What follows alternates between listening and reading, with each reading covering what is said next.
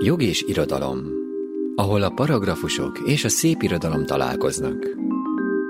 Rácz Anna beszélgetés sorozata az első Pesti Egyetemi Rádióban azzal foglalkozik, hogy miként jelenik meg a jog szépirodalmi művekben, és hogyan befolyásolja ez egy-egy alkotás értelmezését.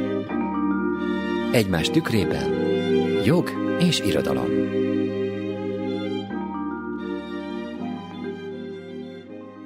Tisztelettel és szeretettel köszöntjük a hallgatókat a Jog és Irodalom sorozat tizedik adásában. Ezt a kis jubileumot azzal is szeretnénk megünnepelni, hogy egy olyan könyvet választottunk a mai alkalomra, ami a komoly jogi vonatkozások mellett azért megengedi nekünk a nevetést is, na és azt is, hogy a beszélgetésünk az eddigieknél egy kicsit könnyedebb formában folyhasson. Az első Pesti Egyetemi Rádió stúdiójában mai beszélgetőtársam dr. Báldi Péter, az ELTE Állam és Jogtudományi Karán működő Jogi Továbbképző Intézet igazgató helyettese, és a Jogi Kar oktatója. Csináltunk egy gyors fejszámolást az adás előtt 20 éve azt mondta Péter. Szeretettel köszöntelek a stúdióban, Péter, és azt külön köszönöm szépen neked, hogy egy olyan könyvet választottál a mai alkalomra, ami legalábbis a hangulatát tekintve kimozdít bennünket a műsor eddigi megszokott rendjéből. Hát igen, azt nem tudom, hogy a, a, a műsorok korábbi hangulata az miért lett volna nagyon sötét, mert ugye most is azért a jogról beszélgetünk az irodalomra, de hát ezzel együtt is azért rejtőjenő mindig egy ilyen különleges falat, és nem tudom, emlékszel-e, hogy az első alkalom mi volt, amikor fölvetettük ezt a témát, találkoztunk? Hú, csak Nem. arra emlékszem, hogy te mondtad ezt a könyvet, és hogyha megengedett, hogy ezt a háttérinformációt elmondjam, akkor valami olyasmit mondtál, hogy egy, egy egyetemi vizsgádra így készülés van, helyett mellett Így van, olvastad. Így van, Mindenféleképpen ehhez a könyvhöz el kell mondanom, hogy Erdei Árpád professzor úrnál vizsgáztam, akit imádtam, nagyon kedveltem, szerintem nem voltam ebben egyedül, és erre a vizsgára, büntető eljárásjog vizsgára kellett készülnem, és ehelyett nem bírtam letenni az Ellopott futár című könyvet, amiben számtalanszor visszaköszönnek különböző büntető eljárás jogi fogalmak és gondolatok. Azért mondanom se kell, hogy a vizsgához ez kevés. Tehát Igen, azért annyi nincs benne. úgy éreznék, hogy ebből kiindulva majd egy BL vizsgát pattintanak, hát azt nem. Az, az nem fog menni. No, de mielőtt elkezdünk a könyvről beszélni, egy kicsit beszéljünk a szerzőről. Ugye Rejtő Jenő az egyik legolvasottabb magyar szerzőnk, de a műveivel sokáig mégse tudott bekerülni az irodalmi kánonba. Annak idején úgy olvastam, hogy ilyen egypengő tíz fillérért lehetett kapni a könyveit, és hát ilyen zugárusok, meg zugkönyv nyomtatók állították elő, és egy olyan rejtői fordulat talán ez is, hogy amikor végre 1956-ban a Láthatatlan Légió megjelenik újra hivatalos nyomtatásba, akkor ezek a zug kiadók megfenyegetik a, a, a hivatalos kiadót, hogy le fogják lőni, mert tönkre teszi az üzletüket. Szóval ez egy olyan, ezt egy rejtő ez, ez könyvbe méltó, is. Ez, ez, ugye? Teljes, ez teljesen méltó rejtőhöz. Hadd forgassam át egy picit ezt a gondolatot, nem levéve rejtőről persze a Rivaldát a mai adásban. Én néhányszor már költöztem, és egy ilyen kisebb méretű könyvtáram azért van, uh-huh. és évről évre, ahányszor átrendezem, vagy költöztetem, foglalkozom vele, csinálom ezt a könyvtárnak a rendezését, a szép irodalom nekem úgy külön van, nem belekeverve a jogirodalomba, uh-huh. és uh, ABC sorrendben van a palon, és így tovább, és van néhány olyan nem a klasszikus, kanonizált irodalmi szerző, akivel nem tudok mit kezdeni. Uh-huh. Vannak ponyva szerzők, krimiírók, akik úgy hód természetes számomra, hogy fölkerülnek egy olyan szekrényre, ahol az egész szekrény ponyva irodalomról szól, krimikről szól, és mhm. így tovább. Na de mit kezd az ember olyanokkal, mint Rejtő Jenő? Mert Rejtő Jenőt igazából nem raknám ki azon ponyvák között, ahol vannak egyszerzős, kétszerzős ponyvák, vagy, vagy tényleg nem túl magasra értékelt irodalom, nem akarok a romána szép emlékű szintjéről beszélni, de mégis olyan furcsa elképzelni rejtőt, mondjuk Igen. Rostán mellett. Igen, Ugye? igen, lehet, hogy és, ő is tiltakozna. És, és, és, és, és ilyet tudnék még mondani, akik számomra nagyon kedvesek, akár magyar szerzők is, akiket nem nagyon tudok a helyére pakolni, és rejtő mm. ezért nagyon izgalmas szerintem. Igen, nem besorolható. Nem, nem besorolható, a nyelvi leleménye, a gondolatai azok, azok csodálatosan izgalmasak, és mindeközben Azért rejtőről az is elmondható, hogy, hogy társadalmi rétegektől függetlenül olvasott. Tehát akkor is, amikor megjelentek elsőként írásban, akármilyen formában is az ő kiadványai, arról számolnak be a tudósítások, hogy mondjuk villamoson, buszon itt ott, amott, teljesen mindegy, hogy ki az, aki ott utazik, az a kezébe veszi, olvassa, és a orvosdoktortól kezdve a takarítónőig mindenki harsányan nevet és félredobja az illemet, amikor, amikor ezt a könyv, az ő könyveit forgatja. És emellett még van egy érdekesség, uh-huh. amit én nem tudtam, de, de rábukkantam most, hogy ezzel a beszélgetés előtt ugye elkezdtem agyalni arról, hogy mi is az, ami rejtő, hogy 2005-ben készült egy országos felmérés, egy reprezentatív uh-huh. felmérés, hogy kik a legkedvesebb magyar írók. És nagyon érdekes, hogy gyakorlatilag rejtő az ötödik lett. Uh-huh. És átnéztem, hogy ti, ugye az nem esett le, hogy én jubileumi tizedik vendég igen, vagyok. Igen, ezt nem De átnéztem, hogy ti kikről beszéltetek. És ugye igen. nálatok Márai Sándor, Csehov, Örkény, Dürremmat, Kertész Imre, Igen. most nem biztos, hogy mindenkit felsoroltam, de szóval érezzük, hogy valami más egy picit, mint Igen. ami rejtő, Igen. miközben egyébként rejtőt a legkedvesebb írók sorában Petőfi Sándor nem tudta megelőzni, uh-huh. aki azért én azt gondolom, hogy elég csúnya szó, de commerce irodalom uh-huh, ahhoz, hogy uh-huh. széles körben ismert legyen, Igen. és valójában most egy kicsit bunkó elitista módon fogalmazva, én azt gondolom, hogy vannak azok a középiskolából kijövő fiatalok és idősebbek, és már szépkorú emberek, akik ugye egyszerűen Petőfin tudtak fölnevelkedni, Igen. Petőfiig jutottak el, és ő egy népszerű, kellemes, nagyon jó verseket író valaki, Igen. és nyilván őt fogja Könny- a legkedvesebbnek elmondani, hiszen mondjuk soha életében nem olvasott Závada Pált, most mondtam egy példát. Igen. Na most ehhez képest ugye ki az, aki kedvesebb? Jókai, Mixát, Móric és Moldova. Hát azért ezek nagyon jó nevek. Akkor, tehát... akkor azt mondom, hogy hát ö, speciál befutni ötödiknek ebben a rangsorban nem, nem, nem egy rossz, rossz eredmény. Abszolút Aztán így végig is futott az agyamon, hogyha most jog és irodalomról beszélgetnénk, hát mhm. akkor mi mindent földob, rögtön Móric neve azonnal. Hát per, persze. Ugrik be a rokonok. Igen. Nem tudom, tudtad de hogy mixát a választójogi törvényről? mint, mint gondolatról, hogy milyen választójog legyen Magyarországon, jogi értekezést írt. Ugye ő nem fejezte be a, igen, a jogi igen, jogtudományokat, igen. de ő volt joghallgató legalább. Hát jókaitól válogatni nehéz. Azokat a sztorikat, történeteket, kisebb-nagyobb írásokat, legényeket, ami tele van olyan kérdésekkel, Igen. amire rá lehet. És hát a Moldovát pedig megint csak, hát ugye konkrétan Igen. a riport könyvei szólnak rendőrről, ügyvédről, bűn, börtönökről, tehát bűnözőkről. Igen. Tehát Igen igazából adja magát, és akkor rá is döbbenek, hogy hoppá, hát a félirodalmat lehetne ide citálni, tehát, hogy Igen, valamiért, valamiért az irodalom van. mélyén, és én azt gyanítom, hogy, hogy ma is arra fogunk rájönni, hogy egy picit a, az erkölcs, a kicsit a, az, hogy, hogy mik az élet fő szabályai, azokról Igen. beszélgetünk, és az jelenik meg utána, hogy mondjam, egy picit úgy, hogy hogy, hogy lefordítjuk egy picit a, a jog nyelvére. Igen. Sok könyved van akkor, hogyha jól értem azt, amit a könyves polcodról elmondtál. Hát a családtagjaim szerint súlyosan könyv, mert a legutolsó költözésnél valaki bevállalta, hogy becsomagolja, és azt mondta, hogy hm. ő többet könyvet nem vesz a kezébe. és ezen belül akkor én úgy értem, hogy a rejtőből is sok van a polcodon. Tehát uh, gyűjtöd igen. a rejtőt? Én, én, én nem merném magamat gyűjtőnek nevezni, már csak azért sem, mert hogy lépten nyomon bárki a családból, baráti körben megjelenik, és azt mondja, hogy elviszi, akkor oda odaadom a könyvet. Uh-huh. Nyilván ugye az ember ö, szabadon asszociálva régmúlt történelmi fogalmakra könyvet úgy ad kölcsön, mint rágógumit. Tehát, hogy nem nagyon várja, hogy visszakapja, mert jellemzően valahogy azok nem találnak El vissza a polcukra. Tűnni. Tehát gyűjtőnek Igen. semmiképpen nem mondanám magam, magamat. Az biztos, hogy rejtő kapcsán bennem volt mindig az igény arra, hogyha lehet mindent olvassak el.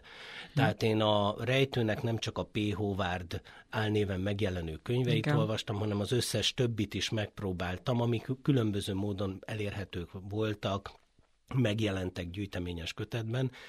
Tehát lehet, hogy ma föl se ismernék egy címet, igen. mert hogy az egy kis novella, ami valami gyűjteményes kötetben megjelent, de, de közben rájönnél, hogy lehet, olvastad. hogy valamit nem olvastam, de én megpróbáltam kimerítően elolvasni, megvan a rejtő összes nagy piros uh-huh.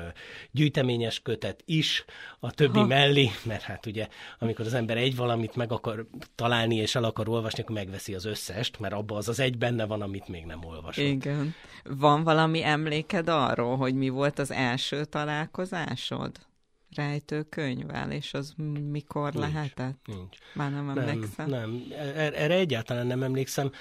Azt tudom, hogy nálunk családon belül volt egy erős frakciózás hogy Aha. van, aki szereti rejtőt, és valaki nagyon nem bírja. Aha. Erről és voltak utána... ilyen késhegyre menő viták? Nem, nem voltak ezek viták, tehát ez, ez, ez nem igaz, csak hogy vannak olyan családtagjaim, akik szinte idézik fejből rejtőt, és van olyan, aki uh-huh. azt mondja, hogy megpróbáltam egyet elolvasni, nem bírom, és kész, és nem olvastam el. Uh-huh. És nem mondhatom egyik kölyükről, vagy egyik csoportról se, hogy egyébként ne lenne olvasott, vagy művelt, vagy ne lenne igénye a kultúrára, tehát hogy nem Igen, az a baj, máson múlik ez hanem ez, ez valószínűleg befogadói oldalról igen. Egy készségképesség, egy hangulat. Én úgy tudom lefordítani, hogy én rettenetesen utálom azokat a filmeket, ahol, ahol kínos helyzeteken kéne röhögnöm. Amikor a főszereplő kínos helyzetben van, és igen. ettől vicces a film. Uh-huh. Nagyon sokan szeretik ezeket a filmeket, én nem, én erre nem vagyok vevő. Tehát, hogy nálam, mit tudom, a Bridget Jones naplója is ezért nem egy jó film, mert én nem szeretem, hogy azon nevessek, hogy ő itt kiáll, és nem tud szónokolni, és miért bakizik bele, és igen, nem tudom, mit Igen. Nem.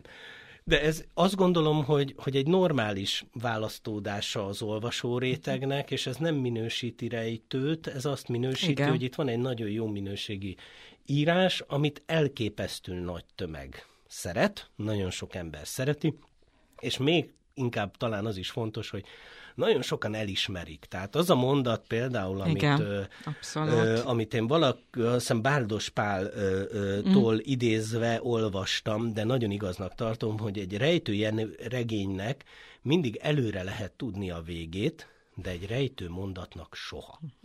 Igen. És ez valóban Ebben van, van nagy igazság. Ez, igen. ez egy fantasztikus gondolat, és tényleg rejtőnek olyan fordulatai vannak időnként, és olyan, hogy mondjam, gyomrost ad egy olvasás során, olyan frivol, kifordított helyzeteket hoz létre, Igen. amitől amitől az ember egyszerűen kíváncsi lesz, izgatja, érdekli, és közben még egy jót kacag is, miközben egyébként a másik, ami nagyon fontos szerintem a rejtői humor, vagy a rejtői írás kapcsán, az az, hogy hogy én nem tudnék olyat idézni, és gondolkodom most rajta, illetve uh-huh. gondolkodtam is az elmúlt két napban rajta, hogy van-e olyan poénja, ami alpári.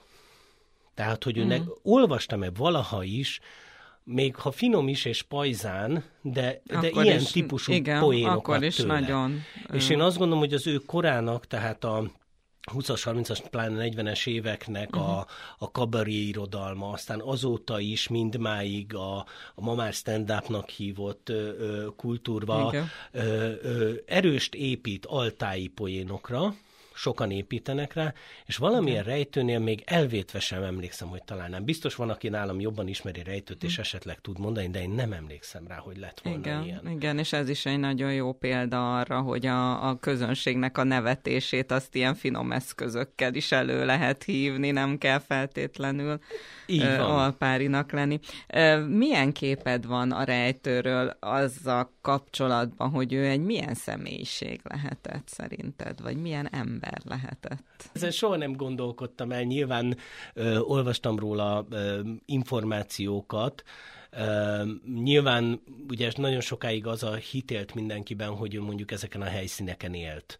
Főleg Igen. a légiós történetek, a szahara Igen, az kiderült, tehát, hogy a légióban nem volt, annyira, de, annyira, de járt ezeken annyira a valóság szagúan írja le. Igen. Tehát szinte érezni lehet azt a hangulatot, azt a környezetet, Igen. a szagokat, a, a színeket, ami Igen. ahogyan leírja a környezetet, hogy mindenki azt hitte, hogy ő ezekben részes is volt, és de közben hát ugye, a nagy részében nem. Igen, de ugye volt az életének egy, egy jelentős része, amikor én úgy olvastam, hogy csavargott tulajdonképpen Európában, tehát így jut el Afrikába is, É, tehát, hogy látta ez a, ezeket ez, ez a helyeket. Ez, ez amikre... a másik fele, hogy persze, de megint csak ott tartok, hogy mi is jártunk Európában ezer felé, és mégse biztos, hogy ennyire jól le tudnánk, ennyire kevés ecsetvonással Igen. ezeket a helyeket írni. Mert ugye rejtőnél azért, ami mindig az orrunk előtt van, az a történet, az a nyelvi humor, és kevésbé a leírás. Tehát ha már előbb idéztük Jókait, Jókairól nyilván Igen. az jut eszembe, hogy nyolc oldalon keresztül írja le a Tiszapartot.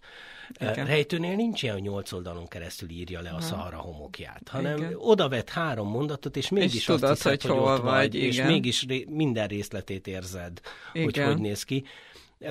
De visszakanyarodva a kérdésedre, hogy hogyan képzelem el rejtőt, vagy mit képzelek el róla, azért is nagyon nehéz, mert ahogy mondod, oké, okay, hogy vannak ezek az utazások, és nagyon jól ki tudta ezeket egészíteni mindazzal, ami az írásaiból kijön, Közben meg nyilvánvalóan ő neki azért voltak testközeli élményei is. Tehát azok a, ö, ö, hogy mondjam, bohém, életszerű kacskaringók az ő életében, hogy nem tudom én, legalább kétszer nősült a, 30-as, 40-es években Igen. élő ember, hogy, hogy mi, milyen kártyás volt. Ugye van, aki, aki azt mondja, hogy esetleg voltak pszichés problémái, bipolaritás, vagy bármi más, uh-huh. tehát ezeket el tudom fogadni, én azt gondolom, hogy uh-huh. minden művésznél vannak ilyenek, tehát nagyon sok olyan elem van az ő munkáiban, amik valószínűleg hozzá közel állnak, tehát adott esetben egy-egy karakternél úgy visszanézhetnénk rá, Igen. Hogy, hogy abban ő előjön, de nincsen, én úgy érzem, nincsen ilyen karakter. Tehát nem tudom uh-huh. azt mondani, hogy ő egyébként senki Alfonszban, mondjuk, hogy egy másik Igen. kötetről beszéljek, vagy nem tudom én, Bradley Tamásban ő saját magát hozta volna vissza. Ezt nem tudom mondani, tehát én nem látok Igen. ilyen karaktert. Igen. És ezért nem is nagyon tudom elképzelni. Távol áll tőlem, Igen. hogy Valószínűleg egy ilyen bohém figura lehetett. Nekem az, az jön le. Az, azt is lehet azért érzékelni, hogy valószínűleg volt egy ilyen elég erős empátiás készsége is, ugyanakkor az irodalmi legendáriumban van egy ilyen történet, hogy egyszer József Attillát megvendégelte az egyik könyvének a honoráriumából egy étteremben, és azt mondta a főúrnak, hogy most a költő úrnak lesz szíves kihozni az étlapról ABC sorrendben az ételeket, addig, amíg a költő úr nem mondja azt, hogy elég. Szóval ez is egy ilyen szimpatikus vonása, hát hogy... Ez, ez, ez a bohém világ része. Igen. Tehát ugye Rejtőnél megvolt az, ami talán József Attilánál, ha már őt említett kevésbé, hogy, hogy ő azért nem volt egy rosszul fizetett szerző Bizony. a maga korában, és, és ő ebben, hogy úgy mondjam, élt. Igen. Lubickolt benne, a jó és rossz oldalával. Abban is úgy érzek valami rejtőit, hogy a, hogy a humor műfaját választja egy olyan világban, ahol, ahol, ahol azért nem sok nevetni való dolog adódhatott. A Hegedűs Gézának van egy ilyen nagyon jellemző leírása róla, hogy azt írja, hogy jellegzetes korjelenség volt, mindaz a szörnyűség, amit ő nevetségessé tett, a maga igaz veszélyében ott kínálkozott a világot elnyelni készülő fasizmusban. Tehát, hogy tulajdonképpen szembe röhögi a világot azokkal a borzalmakkal együtt, amiktől valószínű, hogy ő is félhetett, és aztán ami el is nyeli őt ugye a végén, tehát egy ilyen kényszer szülte helyzet, csak azon gondolkodtam, hogy, hogy szerinted, hogyha egy más világban él, egy másik korban, persze tudom, hogy ez a mi lett volna, ha típusú kérdés, ami nem vezet soha messzire, de ha egy boldogabb korban él, akkor szerinted ugyanúgy ezt a műfajt választja? Ö, én most nem nagyon tudnám felsorolni, hogy ö, melyik ö, könyve mikor jelent meg, és hogy hogy mm. ez ö, történetileg, történelmileg a háttér az őt hogyan befolyásolhatta. Amit mondasz, az bennem is felmerült, mert hogy pont az ellopott futárban van ez a nagyon érdekes mondat, amit ha kiragadok, akkor, uh-huh. akkor, akkor érdemes rajta elgondolkodni. És az ítéletet nyomban végrehajtották. Az elítélt számos utolsó kívánságot sikoltozott, de ezeket nem teljesítették. Ezt én most kiragadtam. Uh-huh abban a kontextusban, ahogy te elindítottad ezt a témát, ennek egy rémes hangzása van ennek a mondatnak. Igen. Miközben, ha valaki elolvassa ezt a könyvet, ezt a mondatot végig neveti. Igen. És ez benne valahol a csodálatos, és ö, én még soha nem olvastam ki belőle a második világháborús borzalmakat. Igen, nem Én még lehet soha nem olvastam ki a könyvekből, nem. hogy itt lenne valami utalás. Az más kérdés, hogy, hogy, hogy egyfajta módon persze lehet azt mondani, hogy van egy rezonancia arra a társadalmi környezetre, ami, ami, ami körülvesz minket, és még hogyha át is pakoljuk ezt egy francia környezetbe, egy francia gyarmati környezetbe, azért csak van ilyen, ilyen mondat, hogy, hogy azt mondja például a, a, a ö, Afrika cárja, ugye az egyik szereplő, most már avassuk be a hallgatót Igen, ebbe, igen. Afrika cárja a dr. Mervin, aki ö, Egy aki vizsgálóbíró. volt, és egyébként jelenleg pedig a legnagyobb hatalmú ember ö, ö, azon a területen, ahol játszódik a könyv, és mégis mit tudunk meg Melvinről? Hogy ez a világ a dilettánsoké. Oké. Okay. Ezt mondja neki a volt mestere, meg máshol valahol elmondja neki, hogy mindig is tudtam magáról, hogy nagy ember lett, mert hogy olyan középszerű, hogy olyan rossz jogász. Nem, nem értett a joghoz, ezért és meg akkor- karrierát előtt. Így van, és akkor tulajdonképpen itt az ember persze elkezdett gondolkodni, hogy fordítsuk le ezt a mai, mai környezetünkre is, hogy mi az, amivel valaki előre tud lépni, előre tud menni, és hogy ahhoz tényleg egy jó jogásznak kell lenni, vagy elég, hogyha csak jól összegyűrjük a kellő karriervágyat, a kellő fellépést és egy gyenge jogi tudást. Igen. Ezek kemény kérdések ebből a könyvből. De, de én azt gondolom, hogy nem ezért írta ezt a könyvet Igen. rejtő. Én nem ezt olvasom ki belőle, én azt olvasom ki belőle, ahogyan egy ö, 16 éves fruska a saját hatalmas szeretetével az apja iránt, hogyan tud meghódítani egy alvilági környezetet, és ehhez képest hogyan tud valamilyen eredményt felmutatni. És közben egyébként látunk nagyon izgalmas sorsokat, Igen. a klasszikus rejtői sorsokat, ahogy mondjuk egy, egy nemes fiú, hogy lesz csavargó, ahogy egy nagyon rossz helyzetben lévő ö, ember hogyan próbál boldogulni többé-kevésbé becsületesen, látjuk azt, hogy mi, mi történik akkor, hogyha abban a korban nyilván most át kell magunkat formálni és visszarakni magunkat a, a, a 20. század első felébe, de mondjuk elcsábítanak egy lányt otthonról és elhagyják, hogy annak milyen társadalmi és egyéb Igen. következményei vannak, és így tovább. Tehát ebben a, ebben a nagyon alsó társadalmi rétegben, amit ugye itt egy kikötőbe helyezünk, Igen, azt hiszem Casablanca-ban járunk, nem? igen, és egy ilyen kikötői ö, ö, környezetben, ahol, ahol mindennapos a, a verekedés, a késelés, ahol, ahol jasszok vannak, ahol ahol gyakorlatilag az ember különböző típusú fegyverekkel közlekedik csak, és valahogy mégis van egy minimális becsület, és egy minimális kódex, hogy van, akit nagyon nem bántunk, és, és van egy érdekes játék, mert ugye magában ebben a könyvben is egyszer csak eljön az a pillanat, amikor a hatalom azt mondja, hogy teljesíti a kislány vágyát, és erre Igen. egyesül a két társadalmi csoport, és hajlandó mindenki fölvenni azokat a Együtt szerepeket, ahogy működnek. normálisan kéne egy társadalomnak működni. Tehát amikor ugye Igen.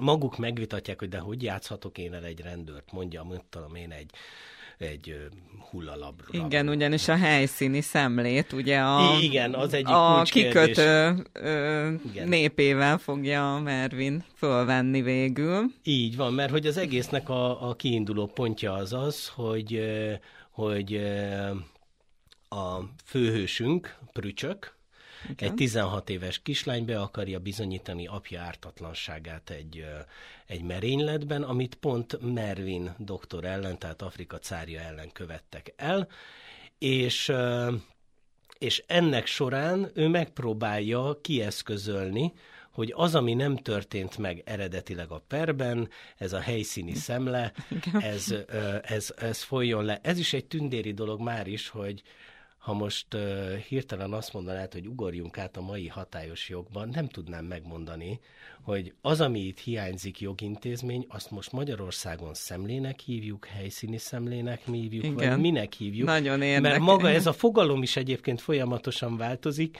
de Igen. itt a könyvben meg azt látjuk, hogy ez a kislány használja össze-vissza ezt a Színhely kifejezést. szemlézéstől elkezdve mindenféle van. Így, így van, mert hogy hát itt Igen. jön elő az, amiről, amiről pedig hát nem tudom én, szerintem évtizedek, évszázadok, már ókori Róma óta beszélünk, hogy, hogy egy hétköznapi embernek mit jelent a jog. Igen. És hogy egy hétköznapi embernek a joga sokszor érthetetlen szavak, kusza Igen. összessége.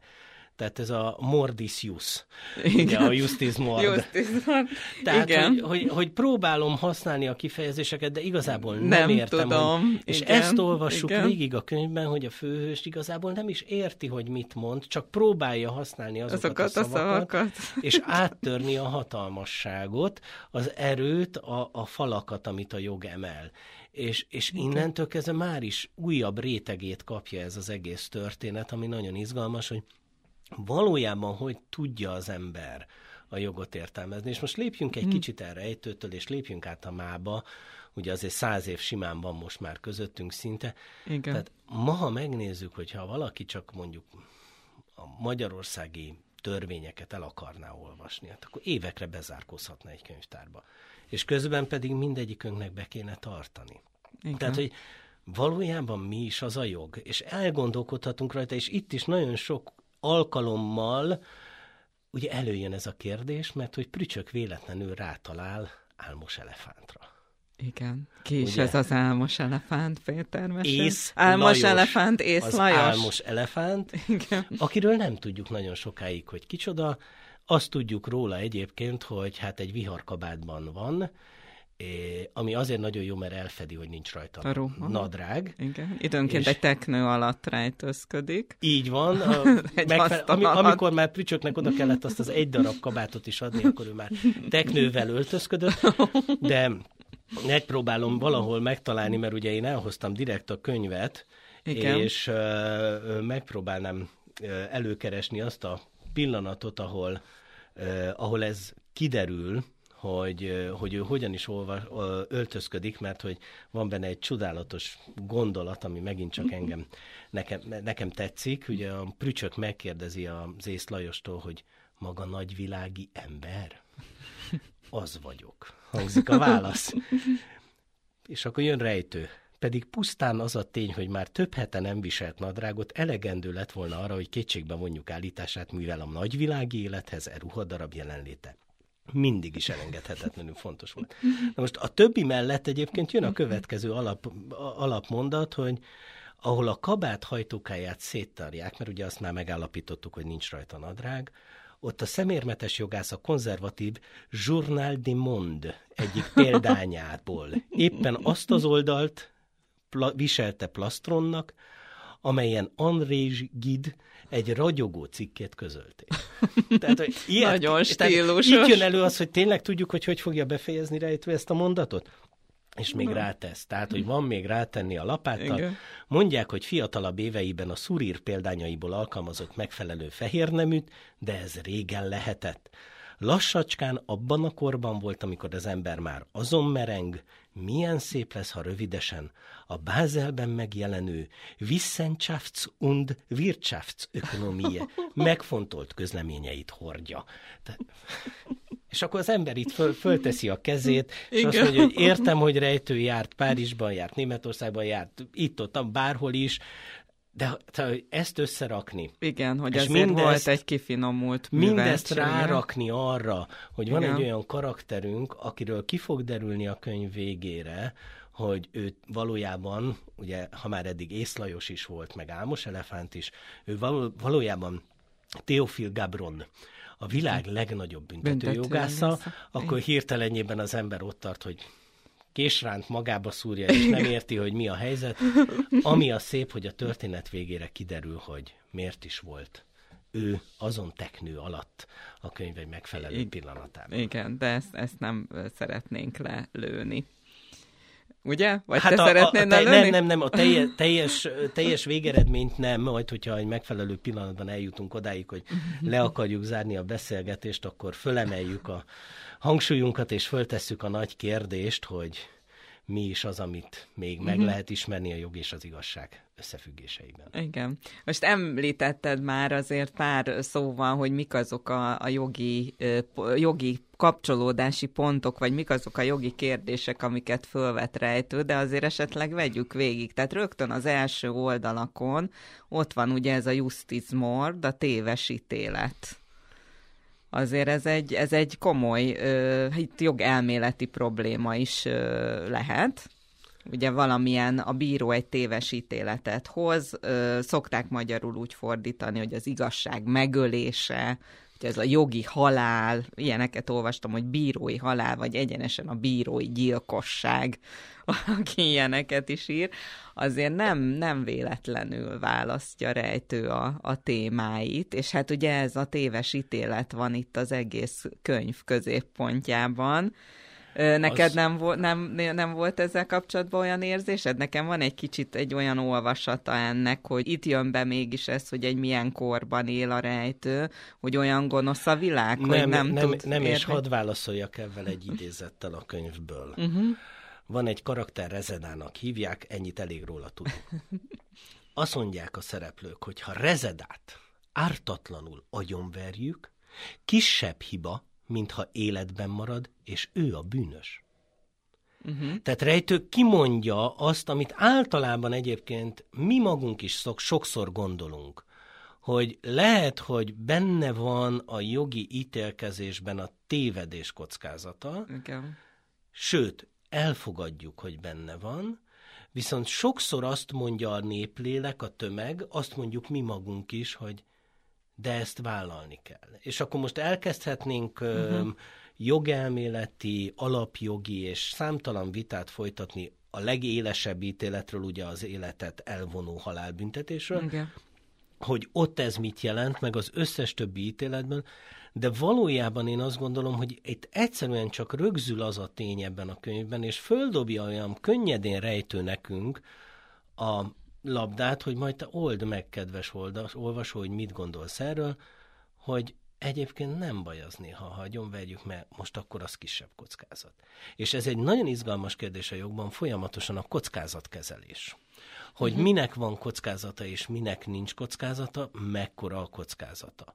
És az a vicces, hogy erre az előbb én is ugye a legtriviálisabb példát hoztam, ezt a halálbüntetést, de a bérleti jogtól kezdve a mesterséges mm. intelligenciánál szinte bármilyen jogi problémánál előbb-utóbb el fogunk oda jutni, Igen. hogy egy jogszerű helyzetből jogellenes helyzet kialakulása az egy kockázat, és mennyire akarja a jog ezt kezelni, illetőleg ha már kialakult ez a jogellenes helyzet, mennyire lehet ezt reparálni, és hogyan. Igen. És ugye ez a másik szál is benne van a történetben, vagy gondolat, hogy ugye a kislány azt mondja, hogy az ő apja nem bűnös. És igen, egy adott ponton igen. felajánlják neki, hogy közkegyelemben részesül az apja. És közli, hogy ez nem jó mert kegyelmet annak adnak, aki bűnös. Bűnös. Igen, Prü csak azt mondja, bűnös, hogy a gyilkossághoz nem bizonyíték kell, hanem gonoszság, azt pedig nem találtak a papámnál. Így van, ez, és, és akkor most te idéztél egy olyan mondatot, ami, ami megint arról szól, ami ebben az egész könyvben előjön, hogy, hogy ugráljuk ezeket a szinteket, hogy, hogy mi az, ami a jogi kifejezés, mi az, ami a jogi tartalom, azt hogy tudjuk elrontani, vagy éppen jól alkalmazni, és ehhez képest mi van ott a mélyben, mi az a társadalmi helyzet, mi az a társadalmi Igen. kapcsolat, mi az a folyamat, ami zajlik, és hogy egyébként azt mi elfogadjuk-e, akarjuk-e, van egy ilyen érdekessége a, a, a Teofil Gábron egyik mondatának is, ahol ő maga behozza ezt, hogy a vád és az védelem és az ítélet együtt véve sem fejezhetik ki az igazságot. Uh-huh. És milyen érdekes ez a gondolat. Igen. És utána azt mondja, hogy a jog tömören maga az ember. ember. Igen. És utána eljutunk odáig, hogy elkezd mit mondani? Bibliát idéz. Hogy és annyira a csodálatos, hogy, van. hogy az igazit, ami a szívben van és a Bibliában. Ez az igazi jog. Ne lopj, ne ölj. Hogy ennél nincs különb. És hogyha ez a kódexekből a szívekbe íródik, uh-huh. na az lesz az igazi jog. Nekem ez a, ez a kulcsmondat, ez a kulcs része egyébként ennek az egész könyvnek, tehát ez, ez a, a Mervin és a Gabronnak a párbeszéde, ott Igen. nagyon komoly gondolatokat hoz be a joggal kapcsolatba, és tulajdonképpen az ő véleményét is ebből meg lehet tudni. Igen, és, és ez egy és gyakorlatilag, ha belegondolsz, akkor mindig ezt keressük valahol. Uh-huh. Tehát keressük a saját igazunkat, tök mindegy, hogy miről van szó, és ahhoz akarjuk használni a jogot, és hát ugye azért ez az igazság, ez sokszor furcsa úgy, valahol le is írja, hogy olyan búvópatak. Igen. Hogy úgy, úgy csordogál jobbra-balra, nem is biztos, hogy észreveszed, és akkor egyszer csak majd föltör valahol. Igen. És ez gyakorlatilag a könyvben is nagyon sok rétege van, hogy, hogy például ne lőjük le a Mervin és a, a, a Teofil Gábron kapcsolatának minden részletét. Ott Igen. is fantasztikus lesz, hogy egy 16 éves kislány szájába adja a megfejtést majd rejtő, aki a maga ártatlanságával, őszintességével, nyílt szívével egy egyszerű mondatot, amit valaki elolvas, lefordít. Uh-huh. És hogy mi magunk, akik már jóval idősebbek vagyunk, ugyanazt a mondatot lehet, hogy nem is ugyanúgy akarjuk érteni. Okay. Mert már annyi minden rárakódott az életünk során egy-egy fogalomra, gondolatra, hogy már máshogy értelmezzük, és nem mondjuk ki azt, hogy ez nem igaz, de a végén csak elő fog bújni az a búvópatak. És ebben Igen. a könyvben ez egy csodálatos, csodálatos ív, és, és hát ez a csodálatos ív azért Teofil Gábron főművéhez fog elvezetni minket. Igen, úgyhogy a... azért itt a plagizálás is... Ja, hát Ö... nem, a Gabronnak és a Mervinnek a kapcsolata, Igen. hogy valóban a plágium az előjön, de ott sem szerintem az az izgalmas kérdés, hogy plagizált-e a, uh-huh. az egyik vagy a másik, hanem sokkal inkább az az izgalmas kérdés, ami, ami nekem nagyon tetszett, van egy ilyen mondata a, a, a, az álmos elefántnak, amikor Afrika cájának azt mondja, hogy sohasem lesz jogász. Mondja ezt annak az embernek, aki a legnagyobb jogászi karriert befutja. És nyolc évig volt a jelöltje. Igen. Sosem lesz jogász. Egyszerű lopás ellen hullarablással védekezik. Igen. És annyira szép, hogy ez is föl van előtte majd építve, hogyha valaki előveszi a könyvet, az ellopott futárt, Igen, és végigolvassa, akkor, hogy föl van építve az, hogy, hogy tényleg egyébként hogy lehet az, hogy valaki ilyenbe, és tök logikus, hogy beleszalad abba, hogy ő majd hullarablással fog védekezni, és ja. utána megoldja nekünk a, a világ legnagyobb right. büntetőjogász, hogy hogy kellett volna védekezned. Igen. És ezek annyira gyönyörű gondolatok, és annyira szépen végig vannak vezetve, hogy, hogy ez az, ami miatt ez a könyv szerintem főleg egy jogásznak nehezebben letehető. Igen. Péter, szerinted volt a rejtőnek valami fajta jogi ismerete? Én nem tudok róla. Tehát, de, igen, én se találtam erre, de hogy vajon konzultált valakivel, amikor írta ezt? Nézd, vállá, ez mind vállásai az... voltak.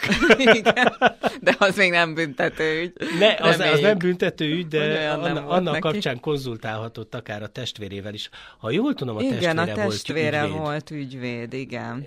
Tehát, de nem, én nem, nem találtam arra nyomot, amennyire én utána néztem, uh-huh. hogy ő bárhol is, bármikor is nagyon tudatosan foglalkozott volna joggal, Igen. de akkor nemes egyszerűséggel tegyük ezt bele az ő zsenialitásába. Igen. Ugye felhozza a peruítás kérdését is, e körül is Abszolút, megy sok minden, igen. hogy most lehet, nem lehet, mi kell, mi kell ahhoz, hogy hogy lehessen per újra felvétel, vagy, vagy nem. De amit említettél, igen, hogy ez is egy olyan ö, vicces része, ahogy próbálják a jogi kifejezéseket ö, használni, és akkor aztán kiderül, hogy nem tudják, hogy mit jelent. Ugye van egy ilyen párbeszéd egyszer, hogy a prücsök mondja, hogy adjon felmentvényt Mondják, igen, mondja neki igen. a Mervin, hogy de hát kislánya se tudja, hogy mi az. Nem tudom, mi az, de köl. Így van. Hát itt, itt, itt egyébként megint egy a, a jogvilágának egy nagyon érdekes pontjára érkezünk el, amit nem tudom, hogy, és ez most véletlenül se lenne általános kritika a mai magyar jogászoktatásra, de nem tudom, hogy mhm. kellőképpen átérzünk-e és tudunk-e, és mekkora a felelősség mögötte, azt tudom, hogy az ügyvédi kamarában ez azért szokott téma lenni, és sokan elmondják, hogy hogy azért az, aki a jogot ügyvédként, gyakorlóként végzi, annak milyen bődületes a felelőssége. Hiszen egy prücsök állott. Igen. Egy prücsök, aki majd másnap este össze-vissza fog beszélni valakivel a témáról, Igen. de az ügyét azt fogja eldönteni, hogy ő hisze nekünk, elhiszi-e azt, hogy kell az a felmentvény, Igen. és hogy mi tudjuk-e hogy kell hogy az kell a felmentvény. az a felmentvény, igen. Tehát ez is egy nagyon érdekes dolog, hogy itt, itt mennyire az is föl van építve, hogy mitől kezd el majd hinni a prücsök az álmos elefántnak. Ugye az ember általában óvakodva megy, jó, legjobban a fogorvostól fél, de azért egy ügyvédhez sem szívesen megy oda. Itt is ugye a prücsök, amikor először találkozik, akkor álmos elefánt előbbi leírása mellett ugye rendkívül gyanakvó volt, mert hogy a világ legnagyobb büntető jogásza már abban a korban volt, hogy az egyik szemével egyáltalán nem látott, a másik Igen. szemével meg homályos foltokat, amire föltett egy kis monoklit, Na most hát a monokli viselése az olyan előítéletet gerjesztett ebben a 16 éves kislányban, hogy először semmit nem akart elhinni neki. Igen. És ugye Mondja nagyon is, fontos, hogy maga már túl öreg ahhoz, hogy nem is tudom, ott egy pár beszédbe ez előjön. Így van, illetőleg hát ugye a másik, ami nagyon szép az az, hogy hogy, és mindenféle hírek terjednek ugye rólunk, jogászokról, jobbra-balra, uh-huh. tehát ö, kisebb helyen, nagyobb helyen azért mindig mondanak valakit, és ugye Álmos Elefánt is ö, írja rejtő, állítólag bírósági ember volt, büntetlen előélete idején és többen felismerték, akik jártak bíróságon, egyesek szerint ügyvéd volt, mások altisznek mondták, és volt, aki határozottan állította, hogy zsemléket árult a büntető törvényszék folyosóján. És most jön a kulcsmondat.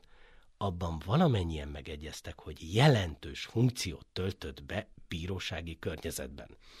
Tehát, hogy a hétköznapok szempontjából mi is azt gondoljuk, hogy aki már zsemlét árul a, a, a a, a, a, a kórház, vagy kórházrendelő intézetben, az már kórházi ember, attól már elhiszünk valamit, egy bíróságon is ugyanez van, de közben látjuk, hogy azért ennél sokkal több az a szakma, ami ott mögötte van, és ez, ahogy fölépül prücsökben, hogy elkezd hinni, Igen. és az az jelenet, amit te ezzel a felmentvényel kiemeltél, az már ugye azt a pillanatot hozza el, amikor prücsök abszolút ott van, hogy már nem is gondolkodik. Igen. Ha azt mondja neki az ő ügyvédje, hogy kell felmentvény, akkor, kell. akkor nem érdekel. Azt mondta, kell. Igen. És ne vitatkozz velem, én azt csinálom, amit ő mond. És ez egy nagyon fontos és nagyon izgalmas része a jogászi létnek is, az ügyfél-ügyvéd, ügyfél és a Igen, tanácsadó kapcsolata, benne annyira, az a bizalom, hogy... ami, ami mögött kell, hogy legyen egy tudás is, meg, meg gyakorlatilag ennek a kiépülése hosszú évekig tart. Igen. Normálisan is nem is emlékszem, hogy most tulajdonképpen Gabron vagy Mervin kérdezi meg azt a prücsöktől, hogy hogy mikor tanulmányozta ön ilyen mélyreható zavarossággal a büntető perrendtartást. Igen, ez még a leges van. Ezért a társadalomkritika is benne van, ezt is említetted már, hogy ugye azt hiszem, hogy a prücsöknek van egy ilyen mondata valakivel kapcsolatban, hogy félő volt, hogy akit az állam pénzzel, az elmulasztja gondos kötelezettségét, mint valami helyszíni szemlét. Igen, és erre, hogyha jól emlékszem, Mervin ráadásul azt válaszolja, hogyha sok emberrel kapcsolatban csináljuk ezt, sok ember érdekében mulasztjuk el a kötelezettséget, az közérdek. Ha egy, akkor az viszont ö, ö, jogellenes és nem helyes dolog. Igen, ez egy, e, megint csak ugye ugyanott tartunk, hogy, e, hogy az, hogy hogyan tartjuk be a jogot, mennyire tartjuk formálnak a jogot. És az is egy érdekes dolog, hogy ugye Gábron folyamatosan arról beszél, hogy a jog, a perrend különösen, az egy szabályrendszer, ami forma, formalizált. Igen. És Igen. hogy a formának jelentősége van. Tehát amikor szidja a Mervint, akkor el is mondja, hogy nincs üres nincs formaság. Nincs üres formaság, Tehát, igen. hogy ez, olyan nincsen. És ez hogy... a tiszta jogászi gondolkodás így, teszi hozzá. Így van. És ugye itt jön elő utána a legizgalmasabb mondata, amit én, ö, ö, amit én ebből a könyvből gyakorlatilag, ha úgy tetszik, akár arra a vizsgámra is annó ö, nagyon megjegyeztem, amikor ő azt mondja, hogy minden valótlan tény felismerése egy lépéssel közelebb visz a való tényálláshoz. Igen. És ugye sokszor úgy érezzük, hogy a jog az fölöslegesen túlszabályoz, meg nagyon formálissá tesz dolgokat, de hiszen a célját nem biztos, hogy el tudja máshogy érni. Igen. És ugye ez a nagyon kötött, de közben legyen laza, szinte lehetetlen elvárásokat támasztunk vele szembe. És ez is nagyon szépen kijön ebben a történetben. Van egy másik jelenet, amikor ugye a prücsök megpróbál bejutni még a könyv elején valamikor Mervinhez, és akkor mondja, hogy majd a lába elé veti magát, okay. és akkor átesik rajta, és nem tudom micsoda, és akkor azt mondja neki ez a zseniális büntető jogász, hogy a legnagyobb úrral is könnyű beszélni, ha nem a hivatalába keresik fel. Uh-huh. Irodában senki se szeret hivatalos ügyekkel foglalkozni.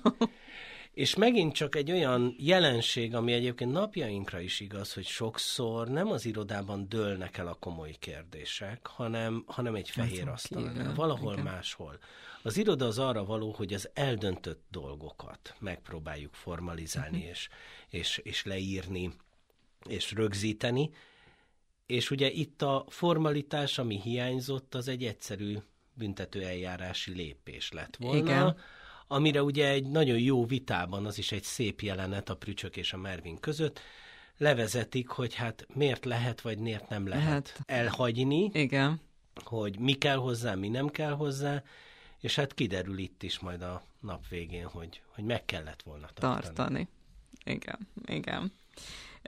Na, elmondanád de azt, Péter, hogy már sok, most több mindent idéztél, de hogy mi az az egy-két jelenet, vagy egy-két rész, ami a te szívedhez úgy nagyon közel áll ebből a könyvből? Nyilván ezeket megpróbáltam azért ide idézni és előhozni. Igen.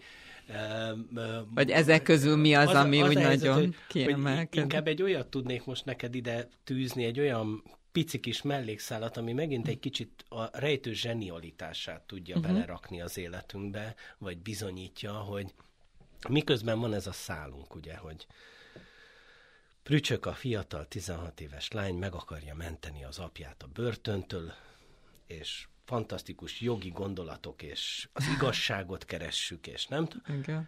Eközben van egy olyan jelenet, amikor már a kikötőben már zajlik kvázi a forradalom. helyszíni szemle, félig forradalom, ahol már a, a jasszok és a, a félvilági és alvilági figurák rendőrt játszanak és segítenek Mervinnek, a hivatalos személynek lebonyolítani szakszerűen és helyesen a Igen. szemlét.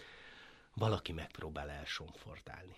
És akkor Mervin teljes határozottságával, ahogyan azt ő, mint vizsgálóbíró annó is megtette, Igen ráparancs, hogy nem mehet, mert lelövik, mint egy kutyát. És akkor ugye megint ez a tömeg, hogy hm, jól csinálja, szóval, hogy így kell. Tehát amikor, amikor megdicsérjük az ellenfelet, hogy ez egy szép húzás volt, ügyesen legyőztél ebben a körben, menjünk még egyet, és akkor ez megismétlődik ez a jelenet kétszer-háromszor, és ugye az olvasónak nem is nagyon tűnik föl. És akkor egyszer csak így egy mellékszálon visszakopog az illető, és elmondja Mervinnek, hogy maga most nagyon kiszúrt velem, elvesztettem a bevételi mm. forrásomat, mert ő egy lámpagyújtogató volt, és mint lámpagyújtogató a az ideg szanatóriumban egy ápoltnak időnként pálinkát csempészett be este a lámpagyújtogatás mellett, ugye volt hosszú botja, be tudta Igen. adni. De nem ez az izgalom benne, mert ez még egy ilyen hétköznapi jelenet lenne, hanem teljes természetességgel írja utána még rejtő oda, és hát tulajdonképpen Mervinnek ilyenkor eszébe jutott, hogy valahol úgy egy újságban olvasott egy fantasztikus beszámolót az orvosi szakirodalomban arról, hogy hogy lehet az, és milyen csodálatosan unikális, fantasztikus talál, találása a, a, az orvostudománynak egy alkoholista, akit már kigyógyítottak, és még mindig a delirium tremens tüneteit mutatja, pedig már nem iszik. És ezt a publikációt több szaklap is átvette. És akkor itt megint jön ez a pillanat, amikor az ember már nem tudja, hogy, hogy mikor kapja az utolsó tördöfést magába, Igen. hogy, és akkor még oda tűzi, hogy és több szaklap átvett, és akkor megint elgondolkodhatunk rajta, hogy, hogy egyébként milyen is a mi tudományos irodalmunk, ahol Igen. időről időre kiderül, hogy az általunk legjobban idézett kísérletek, kutatások akár mélyén is lehetnek bizony huncutságok. Itt mondjuk ez nem egy tudatos huncutság volt, itt egyszerűen csak annyi, hogy kiátszották a a szanatórium védelmi rendszerét, az orvos doktor meg azt hitte, hogy hát tényleg leszoktatta az alkoholizmusról. Sikerélménye Az illető volt. csak még pár tíz évig utána ott maradt a tünet. Igen. Beszéltünk a, a figurákról is azért már előzetesen, ugye olyan neveket használ rejtő, hogy kirúg hümér, meg részes mandarin, meg tanúpipőke, roppant manó, vérfürdő Bill, de úgyhogy ezek, ezek De is ez, a... ez, hogy mondjam, ez, ez, ez szerintem teljesen hétköznapi rejtői. Uh-huh. Sőt, tovább megyek, én nem vagyok nagy ismerője ennek a kornak a, a ponyva irodalmának, de ez tipikus jelenség egyébként, uh-huh. hogy, hogy, hogy ilyen beszélőnevek, álnevek sorozatával jelennek meg a különböző kisebb-nagyobb regények és, és ponyvák, tehát ez valahol normális akkoriban az irodalomban elfogadott. Rejtőnél ugye az a nagyon érdekes, hogy nem akarja nagyon, legalábbis én, ahogy kiolvasom a szövegeiből, nem akarja azt, hogy ezek nagyon beszélő nevek legyenek. Tehát a te általad mondott tanúpipőke, az pont véletlenül egy nagyon beszélő név, na de az összes többi, az alig. Tehát, Igen. hogy annak nincsen jelentősége, hogy most szivarnak hívnak valamit, aztán kiderül, hogy azért a sztori kapcsán majd lesz, Igen. hogy szivar nem megy be abba, abba a kocsmába, ami egyébként az a neve, hogy szivarvágó. Vagy a másik ilyen nagy kedvencem, hogy a legvégén egy esküvőre, ugye ez a kirúg hümér, akit idéztél, ez a kirúg hümér küld egy üdvözlő lapot a Prücsöknek, aki nyilván a történet végén, mert tudjuk, hogy rejtőnél mindig boldogság a vége. Igen. Prücsök esküvőjére küld egy levelet, ami úgy hangzik, hogy legyetek boldogok. Úgy, mint te és hű férjed kirúg. És akkor megint egy zseniális szójáték, amikor Igen. azt mondom, hogy ezt nyilván senki nem érti, aki nem olvassa végig a könyvet, és nem tudja, hogy kirúg hümérről beszélünk, és az aláírás a kirúg, Kérem. de közben mekkora gondolat van benne, hogy legyél Legyetek boldog, te, mint feleség, mint fiatal hölgy, és hát akkor majd hű férjed, aki hű lesz, az majd téged kirúg.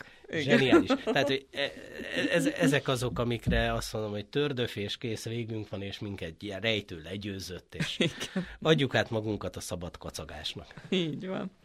Péter, azt kérdezném még tőled, hogy szoktál-e irodalmi tartalmat csempészni az óráidba? Tehát van-e olyan, hogy valamilyen irodalmi művet felhozol példaként?